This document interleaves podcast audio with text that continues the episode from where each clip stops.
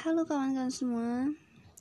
Di sini saya ingin beri semangat kepada yang kalian yang sedang patah hati.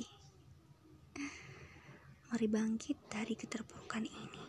Tak ada yang perlu engkau tangisi. Ikhlaskan yang sudah pergi, fokus semangat menjalani hari-hari. Dan yakinlah yang pergi meninggalkanmu saat ini, Allah akan ganti dengan yang lebih baik. Perjalananmu masih panjang, atau masih segar.